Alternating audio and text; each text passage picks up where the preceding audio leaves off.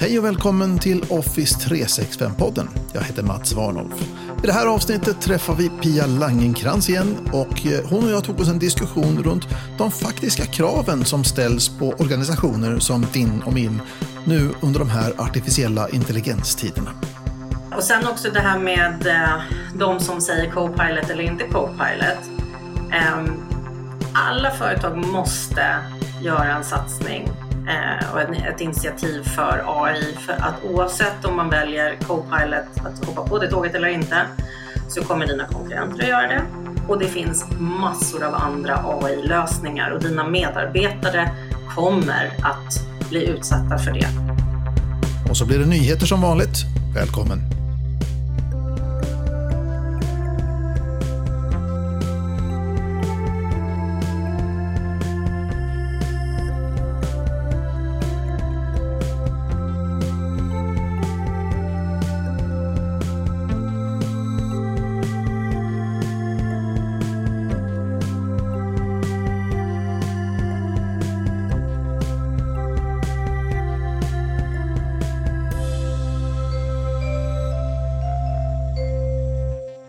Förra veckan så var jag med på Teamsdagen. Där blev det ju också väldigt liksom, tydligt att det här Copilot, Copilot, AI överallt. Eh, men det är många som tror att Copilot blir någon slags magic bullet. Ja. Du kan ha vilken röra som helst och så kör vi Copilot, det kommer lösa allt. Man bara, nej, nej, det är lite som de här Canon-säljarna sa förut med vilket papper man skulle ha i kopiatorn. Skit in, skit ut. Precis. Har du inte ordning, har du rörigt med behörigheterna, har du inte struktur, har du massa gammal data, då blir det inte bra med Copilot. Man kan väl säga så här att, att det går säkert att få Copilot att funka, men det kommer ställa oerhörda krav på promptningen, alltså det vill säga hur vi ställer våra frågor och så där. Och sannolikheten att saker och ting går galet är ganska stor om vi inte har koll på vår data. Vi behöver ha data governance, eller vad ska vi kalla det för? Pia, vad, vad heter det för? Vad kallar alltså, jag, jag tycker, um, i, i vår uh, eh, kära offentliga värld så kallar man det för arkivvård. Uh, om vi går över på privata sidan så kan, kan vi kalla det för datahygien det är väl det som man behöver. Och jag, jag, tänker också så här, hur vet jag om jag i min verksamhet har god datahygien? Ja, gå in i Microsoft 365 och sök. Sök på namnet på din viktigaste kund och se vad som kommer. Och är det då att det blir bara massa High Chaparral och någonting som inte är lämpligt eller gammalt eller någonting. Och det är det Copilot kommer att titta på också. Kom... Så är det absolut. Ja, så där kan du utgå från din sökupplevelse och se om den är bra så kommer du säkert få en bra upplevelse med Copilot. Om den är dålig så, ah, there you go. Och det räcker ju inte riktigt med det heller, så att säga. Utan eh, vi, vi, en av sakerna som folk kanske inte tänker på det är ju att en av ställena som Copilot kommer att sourca ifrån, det är ju folks generella eh, hoarding place number one, nämligen din OneDrive. Mm. Så allt mög du har i din OneDrive kommer ju också att sourcas av Copilot när du eh, ber den göra någonting. Mm. Så det är ju, alltså jag vet inte hur många det är som har eh, en, vad kan man säga, en tight och väl kontrollerad OneDrive. De flesta människor som jag känner, inklusive sådana som jag, mm. har ju någonting som närmast skulle kunna katastrof, liksom, ja, det är katastrofområde helt enkelt. Ja, och där kan väl jag också liksom lugna folk och säga att nej, jag är inte ett dugg bättre själv. Um, alltså min, min OneDrive är också uh, lite kaosartat för där har man liksom så dunkat ner saker som är så bra att ha. Mm. Um, men då som ett tips till alla våra lyssnare, om det vill säga vad kan jag göra idag? Du tar en post-it-lapp, en riktig post-it-lapp och en penna och skriver ner datahygien. Så varje gång du går och söker efter ett mejl, hittar massa gamla saker, radera det. Varje gång du går in i OneDrive och letar efter någonting eller ska lägga ner någonting, ta ett snabbt span igenom och radera det. Alltså det är lite grann som att när du går igenom lägenheten eh, när du städar. Eh, jag hade en, eh, en roommate en, eh, som en gång sa liksom, en, en, en god servitris har inte tomma händer, liksom, att man hela tiden gör någonting. Eh, mm. Så att man liksom städar lite grann hela tiden och sen så kanske sätter in lite tid i kalendern för att rensa och städa. Ja, precis. Mm. Det, är ju, det är ju definitivt nödvändigt. Och ett jätte, jättebra tips just att man har liksom ögonen med sig. Eh, sen får man ju ha lite intelligens i vad man raderar naturligtvis. Då. Men, men eh, den här grundkollen, att liksom titta på saker och ting som man får upp när man söker. Eller man bara tittar in i en mapp någonstans och så upptäcker man så här. Oj, här ligger det här gamla dokumentet från sex år sedan som är som, för den här kunden som aldrig blev något eller vad det nu handlar om. Bara väck. Ja, Nej, men, och där finns det ju eh, och, och, liksom, och, och, och, tänka på det här, liksom, rensa bort gamla versioner och det. Men det, det är det som vi kan göra själv som individer. Om man tänker på vad ska man göra som företag då och då? Ehm, och där handlar det ju om en annan typ, typ av hygien som du ska göra din governance-grupp. Ehm, den här eh, härliga samlingen av folk från kommunikation, HR, eh, infra, IT, eh, informationssäk ehm, och om du är offentligt så ska du ha någon från registraturen, arkivarie där också och så den som driver den här digitala arbetsplatsen. Eh, det är det gänget som ska göra det här för att om vi bestämmer oss för att införa någon Viva-tjänst, men då behöver alla vara med på, liksom, i den gruppen, även om det kanske är HR som kommer driva det initiativet. Så då måste alla de andra vara med om det är Infosäk som säger att vi ska göra mer smarta labels, ja, men då måste de andra vara med, även om det är de som driver det, för de förstår vad, vad betyder det här. Liksom? Mm. Eh, och, och där då, ifrån verksamheten, vad ska vi i governance-gruppen göra? Mm. Där har vi liksom att titta väldigt noga på just den här datahygien och var man har sin information någonstans. Eh, att man tittar på att man har en, en informationsägare. Eh, och sen har du ju möjligheterna i Microsoft 365 att utesluta saker ifrån sök. Så om vi nu säger att du, vi har ett, liksom en, en dumpningsplats. Eh, ja, men skapa en dumpningsplats för saker som vi vågar inte radera eh, men vill inte ha med i söken. Ja, men skapa en SharePoint-sajt eller någonting och dunka ner allt det där, där och sen så plockar vi bort det ifrån söken. Eh, för att det är någonting som vi kommer kunna göra med Copilot sen, är att vi kan utesluta vissa källor ifrån eh, Copilot som de använder och söker för.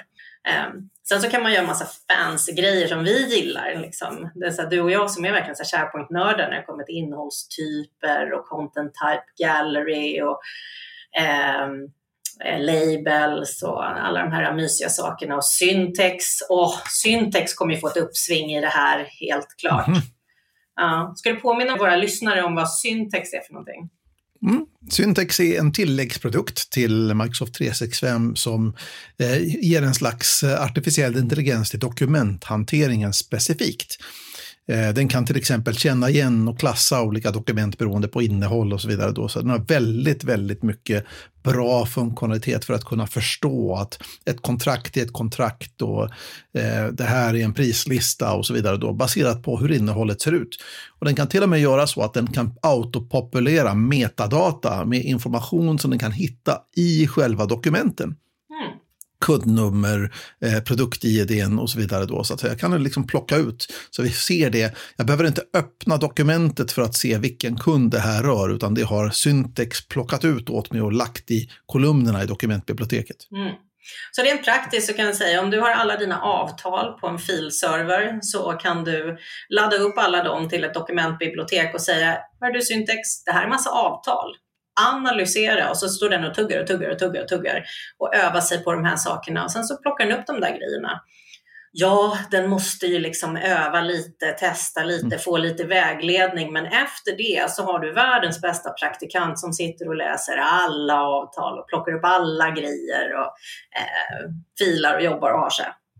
Ja, men det blir lite grann som en ny anställd. Jag menar, det är ju klart att den personen har en, en, liksom en step-up-kurva där den måste liksom mm. förstå eh, organisationen, förstå alla dokumenten den ska hantera och sen jobba utifrån det. Mm. Liksom. Så att det är ju, om du anställer någon som, även om den var expert på området, så behöver den fortfarande liksom, ska man säga, syna in sig på just hur ni gör i din organisation.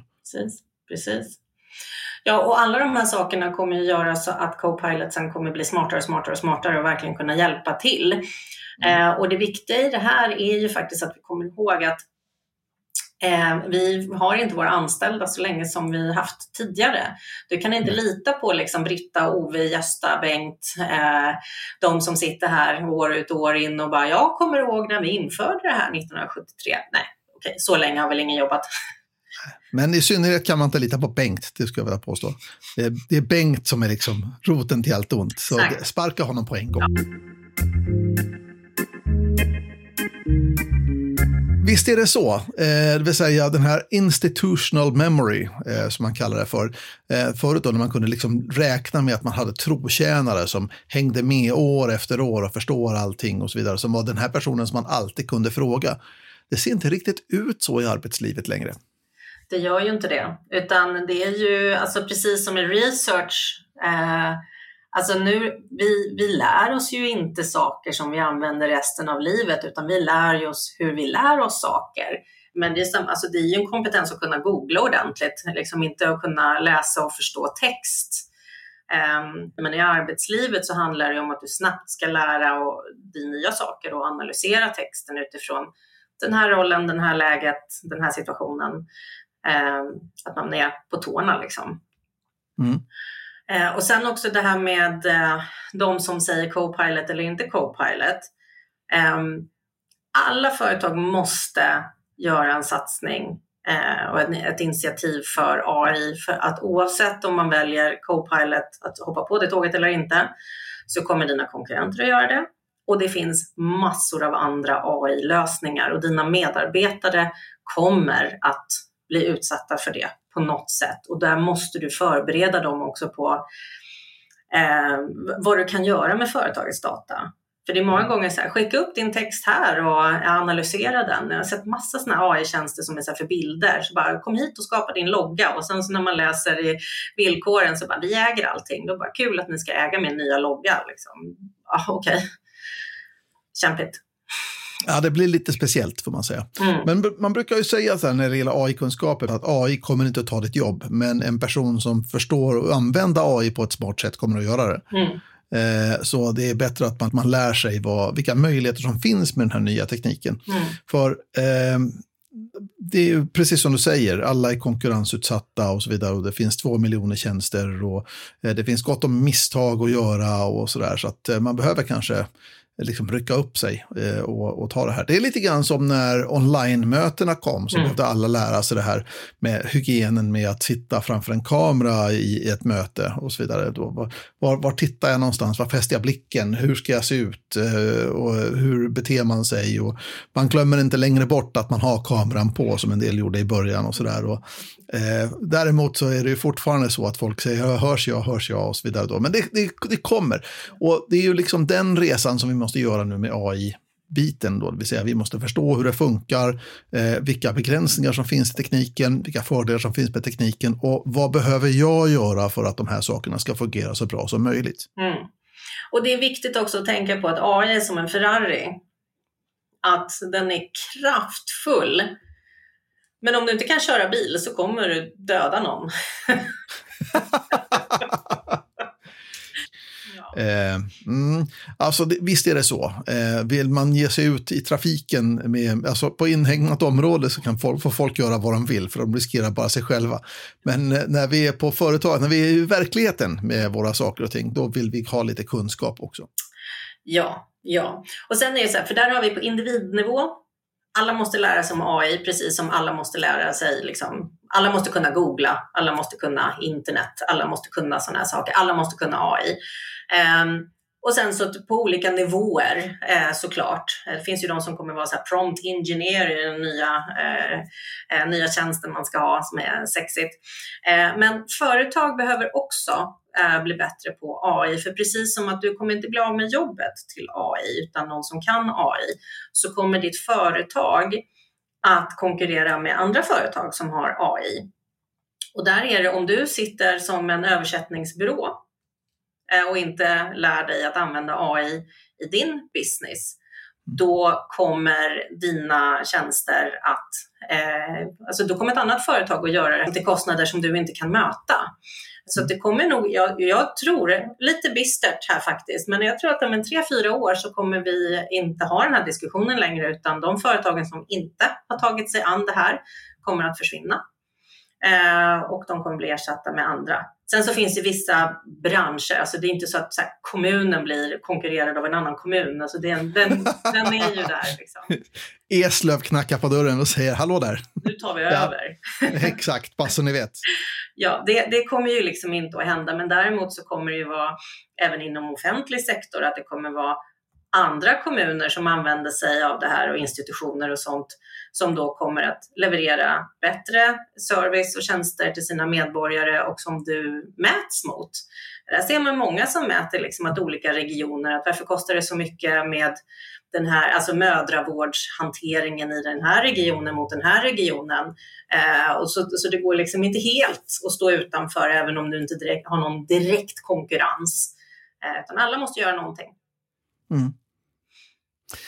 Ja, eh, det är mycket att tänka på med, med, med liksom Microsoft 365 och Copilot och andra AI-tekniker som finns där. Men redan att införa någonting som Microsoft 365 kräver ju att man har tänkt efter lite och så vidare. Mm. Då, att man måste anpassa organisationen lite efter det eh, och sådär. Eh, det här är ju en, en resa som vi som konsulter gör hela tiden när vi träffar kunder. Där man har kanske ansträngt sig, man har, man har sett det som teknikprojekt. Mm. Att införa Microsoft 365. Eh, ungefär som att, eh, ja, nu i, till bilpoolen så köper vi nya bilar. Så folk ska bara lära sig vart växelspaken sitter på de här. Sen kan de köra vidare som vanligt. Men så är det inte riktigt när man inför en teknik som Microsoft 365, Pia. Nej, det är ju inte det. I början är det ju det. Eh, när vi ska prata om infrastruktur, eh, hur vi är uppkopplade, rensa ut bland VPN och flytta mailboxar, då handlar det om IT, absolut. Men när vi går över till produktivitet och samarbete, då är vi 100% inne på verksamhetsutveckling och digitaliseringen. Och där är det ju, alltså det, det är både liksom kittlande och lite bittert när man kommer in som konsult när någon säger liksom, men det är ditt jobb, det är du som ska lösa det här. Då bara, nej men jag behöver inte lära mig att samarbeta i i Teams. Jag vet hur man gör. Men bara för att jag vet hur man gör så kommer inte den här organisationen att samarbeta bättre i Teams. Utan det är min kunskap som jag behöver omvandla till information och ge den till medarbetare som omvandlar det till kunskap. Mm. Ja, men så är det ju verkligen. Mm. Det vill säga att vad, vad, vi pratar om, the name of the game är ju Microsoft 365 är bara ett verktyg, men verktyget är gjort för att stötta en viss sätt att arbeta, en kollaborativt sätt att arbeta. Har man ett kollaborativt arbetssätt så kommer Microsoft 365 att verkligen ge utväxling på det kollaborativa arbetssättet. Har man inte det kollaborativa arbetssättet och, och så vidare då, då får man kanske inte de här vinsterna som vi pratar om när det gäller Microsoft 365. Det blir inte mer effektivt, det blir inte snabbare, det blir inte bättre, utan då blir det just bara ett annat verktyg. Mm. Och att införa nya verktyg vet vi alla att det kostar produktivitet. Mm. Och det, det, är ju, det, det är ju fine medan vi gör det, så länge vi faktiskt gör några vinster därefter. Mm. Men om jag inte kan stöpa om mitt sätt att arbeta, ja, då kommer de här vinsterna att utebli och då har jag bara haft det här liksom, jobbet med att lära mig det nya verktyget. Mm. Ja, och, och där är det ju så viktigt, och det här är faktiskt inte 365 utan det är samma sak, vi kan tänka på att vi ska installera ett kök. Um, det är ungefär samma beståndsdelar som liksom på camping eh, gasolköket som Gordon Ramsay har i sina kök, utan det är också den här i organisationen runt omkring. Vad är det vi ska ha för grejer, vilken ordning ska vi använda det och vem är det som bestämmer? Och, och, där är det också att även om det är otroligt obehagligt att i Sverige tala om för någon hur de ska göra någonting, eh, för det tycker vi inte om att göra, för det blir så här, men då är vi och detaljstyr. Men på samma sätt så vill, alltså jag har fortfarande inte träffat någon som har kommit in i den här världen som är så här, men berätta för mig bara hur jag ska göra det så, så kommer jag göra det. Liksom. När man har kommit förbi den där, oh, jag måste lära mig någonting nytt och förbi den där förändringspucken. Um, och där ska man komma ihåg att samarbete är inte en gräsrotsrörelse. Jag tror jag ska trycka upp det på en t-shirt. För att det är så många som är så att vi tar bara in bra folk och så kommer de att lösa det här. Mm. Men vi kan inte lösa den här med samarbete mellan avdelningar eller man säger de här silos som vi har som är gräsrotsrörelse, utan det är någon som måste investera tankeverksamhet i det här. Och alla större system för samarbete, om man tittar på projekt, vi har projektmodeller eh, och det är det som är så bra med standard, vi har så många. Ehm, så att, och där är det så att jag, jag hade ett uppdrag för väldigt länge sedan där man hade liksom lite grann gå på pumpen just för de här olika eh, modellerna. Man hade tagit in, några var interna projektledare, några var externa projektledare i ett större program. Eh, och man hade liksom ingen koll på var är vi någonstans i hela det här programmet.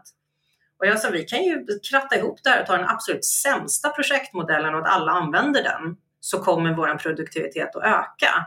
För att bara vi tillsammans bestämmer vad är definitionen på klart? Vad är definitionen på prio två, Var ska vi lägga saker någonstans? Ehm, så införde jag ett arbetssätt där som eh, som sen då när nya projektledare kom in, de var så här jäklar vad det var krattat och klart. Här kan jag faktiskt bara komma in och jobba och behöver inte administrera och lära mig hur allt ska hänga ihop.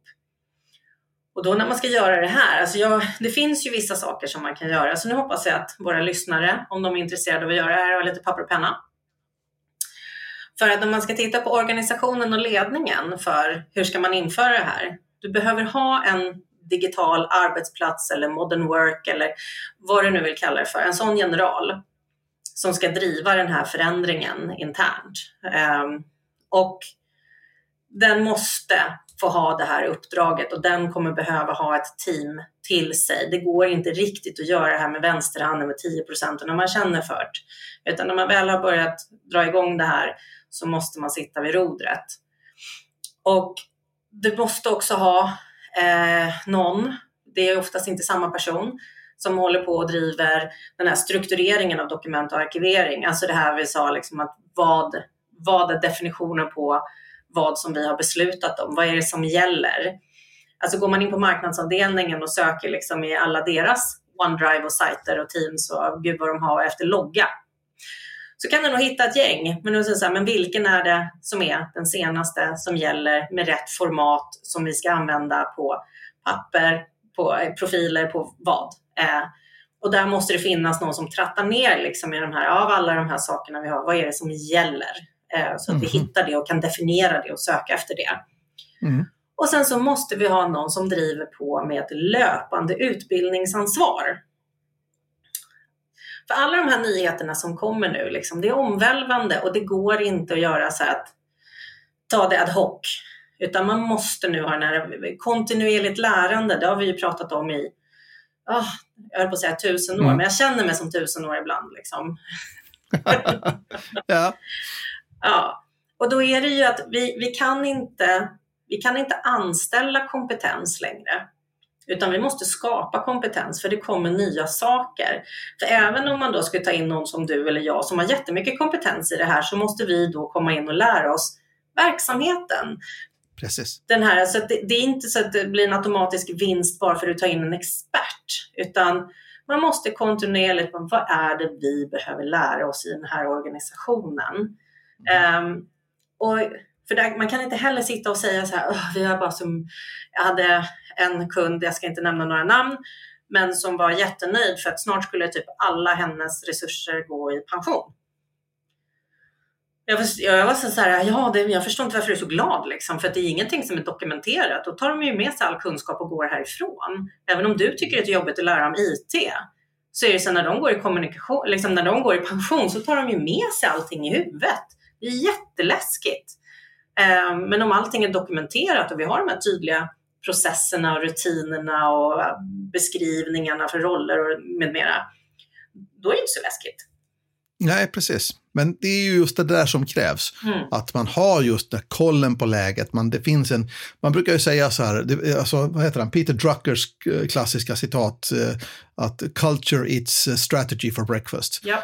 Eh, att det, det, har att göra med företagskulturen och att man har den här kulturen där, man, där man, det ingår att man vidareutvecklas, att man lär sig och att man lär sig nya sätt att arbeta och så vidare.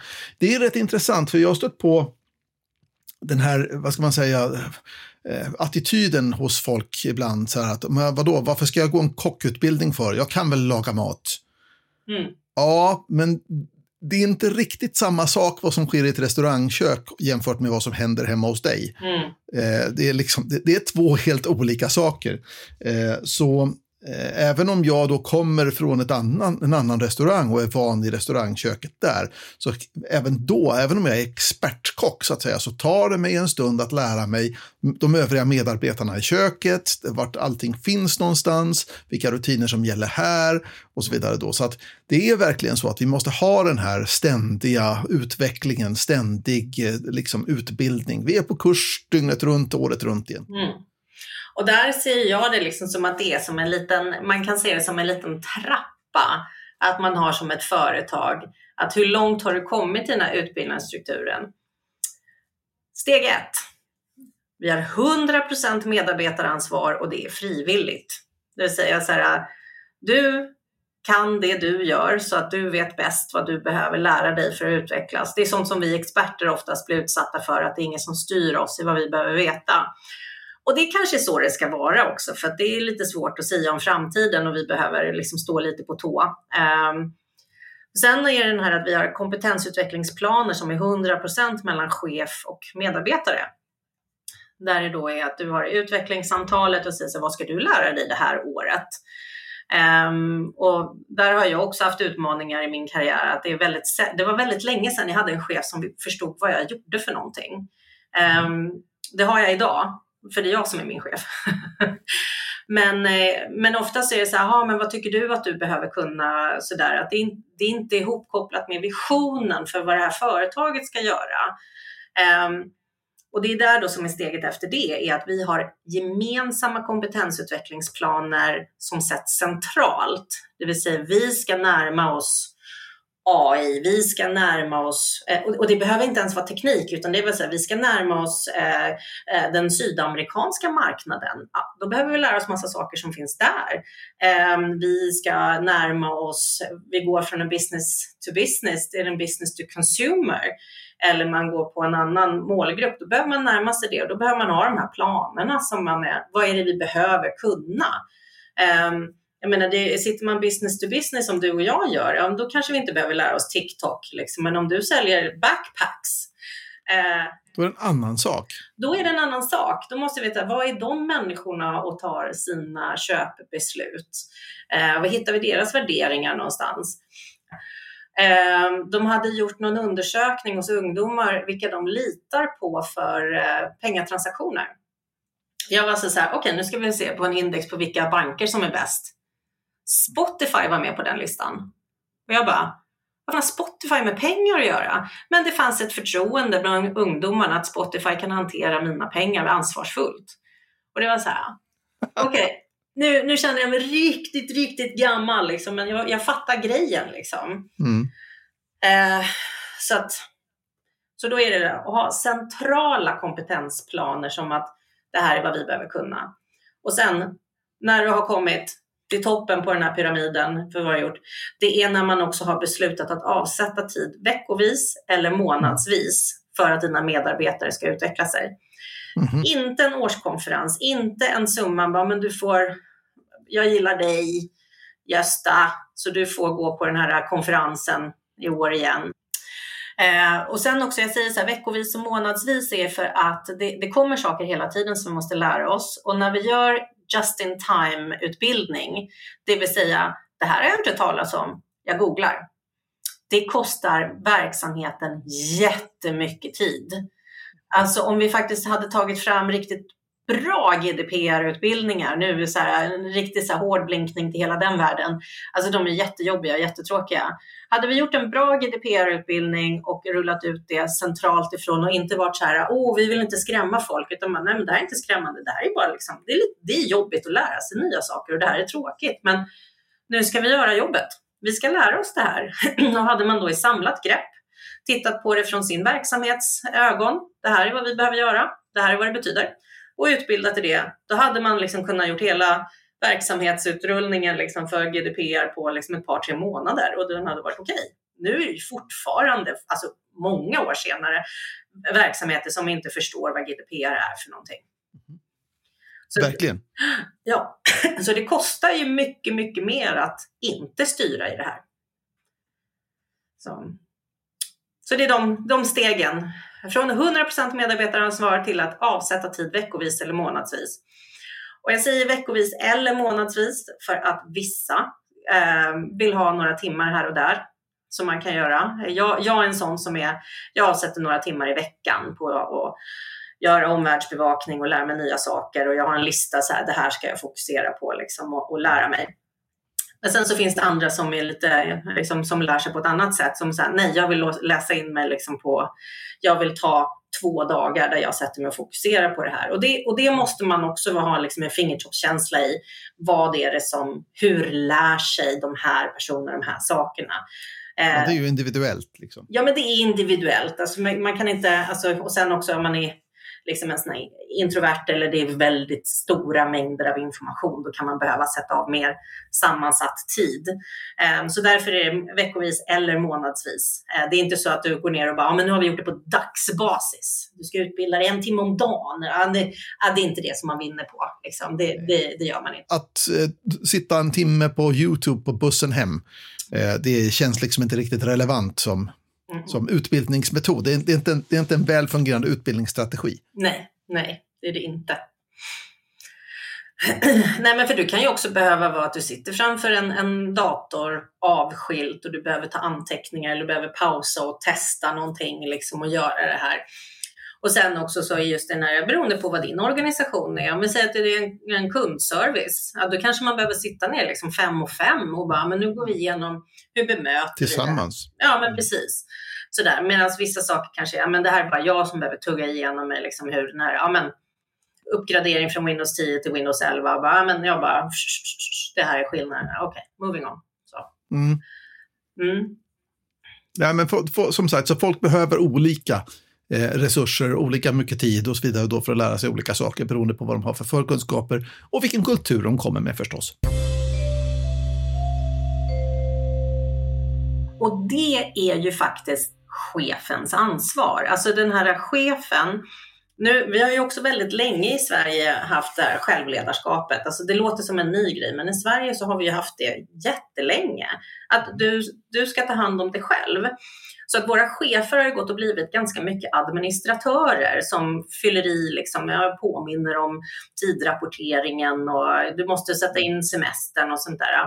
Att, man, att våra chefer är mindre ledare och mer administratörer.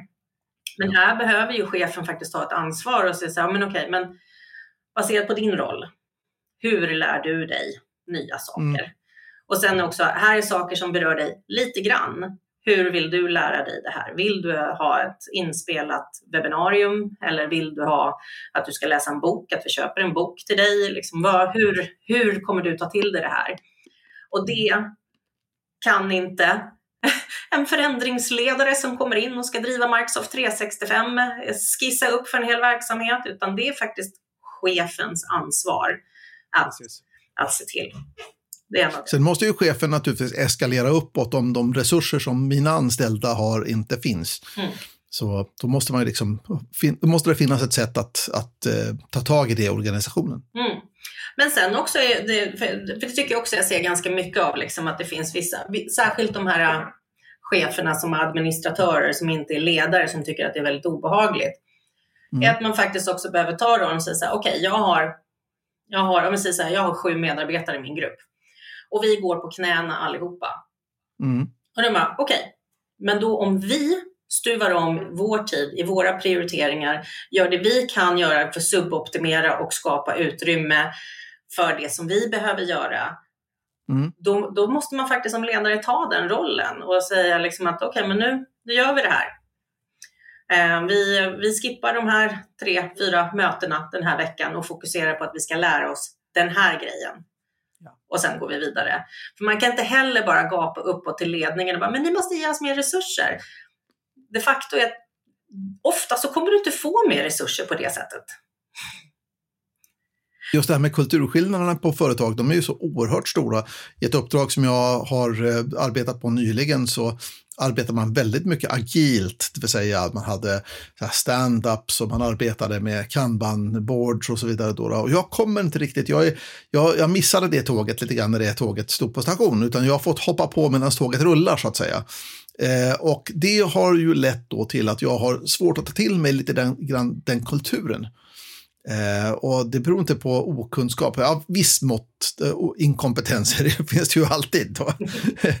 Så är det, det kan jag inte sticka under stol med, utan det är klart som sjutton att eh, eh, det går att utbilda fram rätt mycket eh, kunskap och sådär då. Men det tar ju tid och när man hoppar på ett tåg som redan är i rullning, om man nu ska anpassa sitt arbetssätt lite grann efter hur de andra i teamet eh, arbetar och så vidare, då, så det tar en liten stund innan man kommer på plan. Mm, mm. Eh, bara klura ut liksom vad Epics är och allting sånt där och, och för, förstå, kunna bryta ner det och sen kunna anpassa det till ja, sitt arbetssätt eller anpassa sitt arbetssätt till det eller vad man nu gör. Det är ganska svårt. Mm.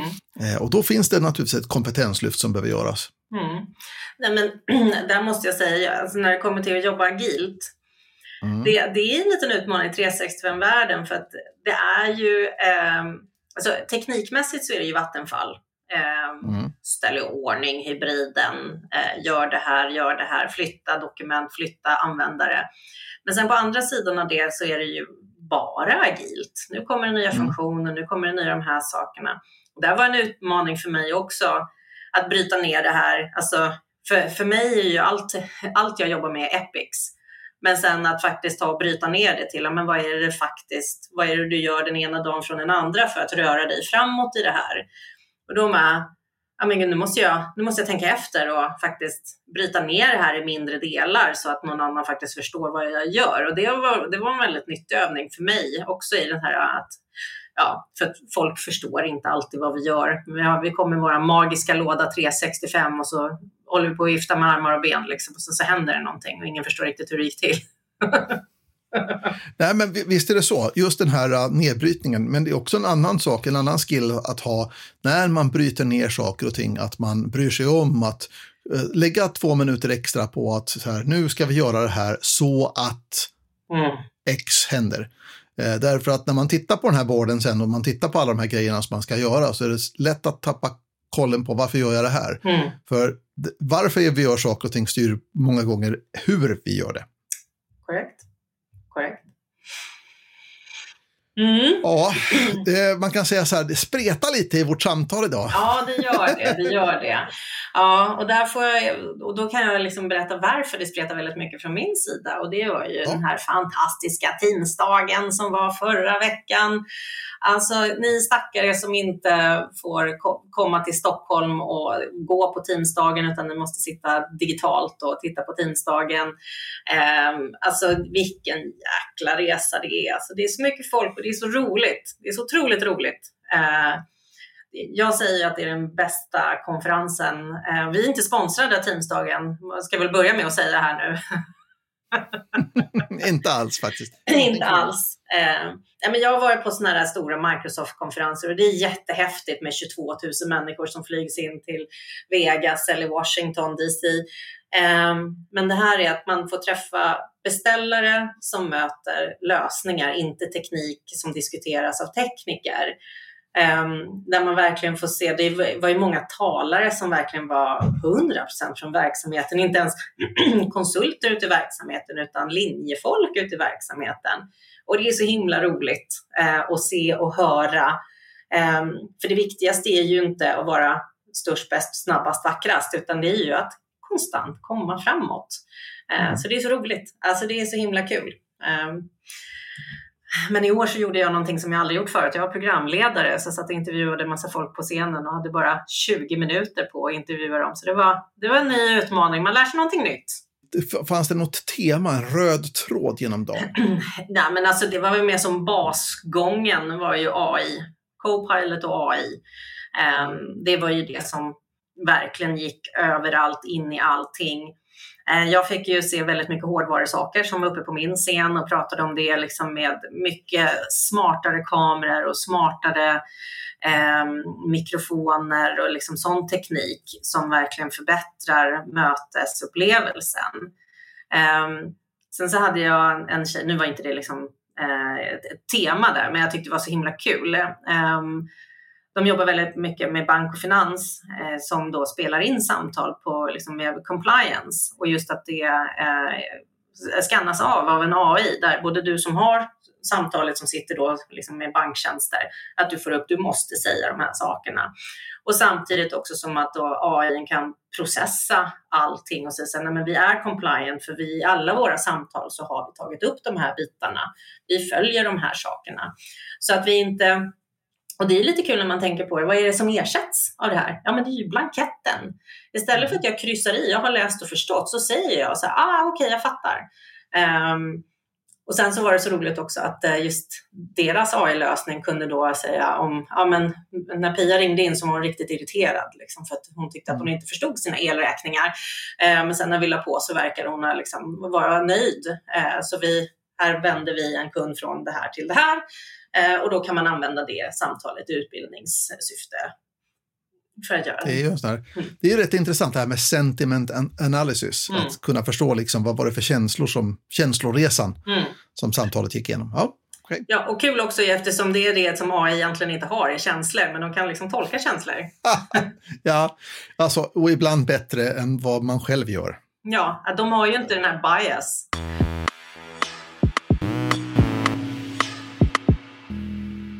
Pia, vad är det som är mest spännande för dig just nu när det gäller Microsoft 365? Vad är det du ser fram emot och som du liksom spanar på?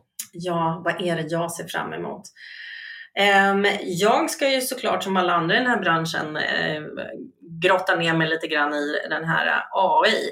Men faktiskt också att jag tänker ta mitt ansvar att strukturera och städa upp och göra, göra den resan. Um, och där jag då faktiskt ska ta med mig mycket av de här agila sakerna som jag har blivit lite utsatt för hos min senaste kund eh, och, och, och, sätta det liksom i, i nytta eh, och faktiskt definiera mig. Så jag ska faktiskt göra min, min egna lilla tjänstekatalog och få ordning på saker och eh, marknadsföra mig på det och inte bara jag gör massa 365 saker. Så. Mm. Ja. Du då? Vad ska du göra? Ja, jag, jag har ju precis avslutat ett långt konsultuppdrag eh, och jag tänkte ägna lite tid åt att liksom få ner alla de här sakerna som jag lärde mig eh, under det här uppdraget. Att liksom formalisera det, att kunna göra någonting. Och lite grann som du, att kunna göra, inte som en del av ett erbjudande, men eh, att se till att den kunskapen blir permanent naturligtvis då, att jag kommer ihåg det. Och att eh, jag kanske behöver skapa lite mallar och sånt där för saker och ting som man typiskt tar fram i den typen av projekt som jag jobbar i. Eh, så jag slipper uppfinna hjulet en gång till nästa gång som jag får ett liknande uppdrag. Mm. Mm. Mm. Ja, men det är ju bara bra grejer. Ja, jag kommer ju också faktiskt att samla ihop lite så enkäter eh, som jag har tagit fram och utvecklat för hur man kan få känna av vad har vi för digital mognad i vår eh, verksamhet och eh, liksom titta på olika värderingar, hur man kan liksom få gruppen att jobba tillsammans eh, så att man har någonting vettigt att använda. Så det är också någonting som man kan eh, hålla utkik på. Det kommer väl komma på ja, LinkedIn och webbsidan och lite allt möjligt. Liksom. Men, eh, ja. Mm. Det finns ju lite intressanta verktyg när det gäller just enkäter och undersökningar. Dels finns det ju Viva Puls mm. som är till för de här korta, enkla grejerna som en, en liksom arbetsledande chef kan ställa till sitt team eller så vidare. Då. Och sen finns det den här Microsoft Glint eller Viva Glint mm. som är till för det när organisationen behöver fråga alla medarbetare vad de tycker om någonting. Och så. Mm. Eh, så att det finns lite sådana verktyg som man kan kika på, men sen finns ju också forms och allt möjligt och sådär. Så, där. Ja, intressant med enkäter och undersökningar. Tack så jättemycket Pia. Ja. Och så hörs vi snart igen. Det gör vi, det gör vi. Ha det bra! Dags för nyheter i Office 365-podden. Generativ AI är superpopulärt just nu, men det innebär också risker för läckage av internt data genom användning av till exempel ChatGPT. Så nu låter Microsoft oss upptäcka när anställda använder den sortens tjänster. Om du har en licens för Insider Risk Management i Microsoft Purview. en Microsoft 365 E5 eller tilläggslicensen E5 Compliance eller till och med F5 Compliance. Då har du den här möjligheten. Och möjligheten att upptäcka användning av generativ AI är ju inte tillgängligt riktigt än. Du får vänta till januari. Man kan ju schemalägga Teams-möten direkt i Outlook och det är ju bra. Men det finns ju fler än en typ av möten. Virtual appointment, webbinarium, town halls och de här syns ju tyvärr inte i Outlook. Jag kan bara schemalägga ett normalt möte. Men i december kommer du att kunna schemalägga de här specifika typerna av möten direkt i Outlook. Och det var nyheterna.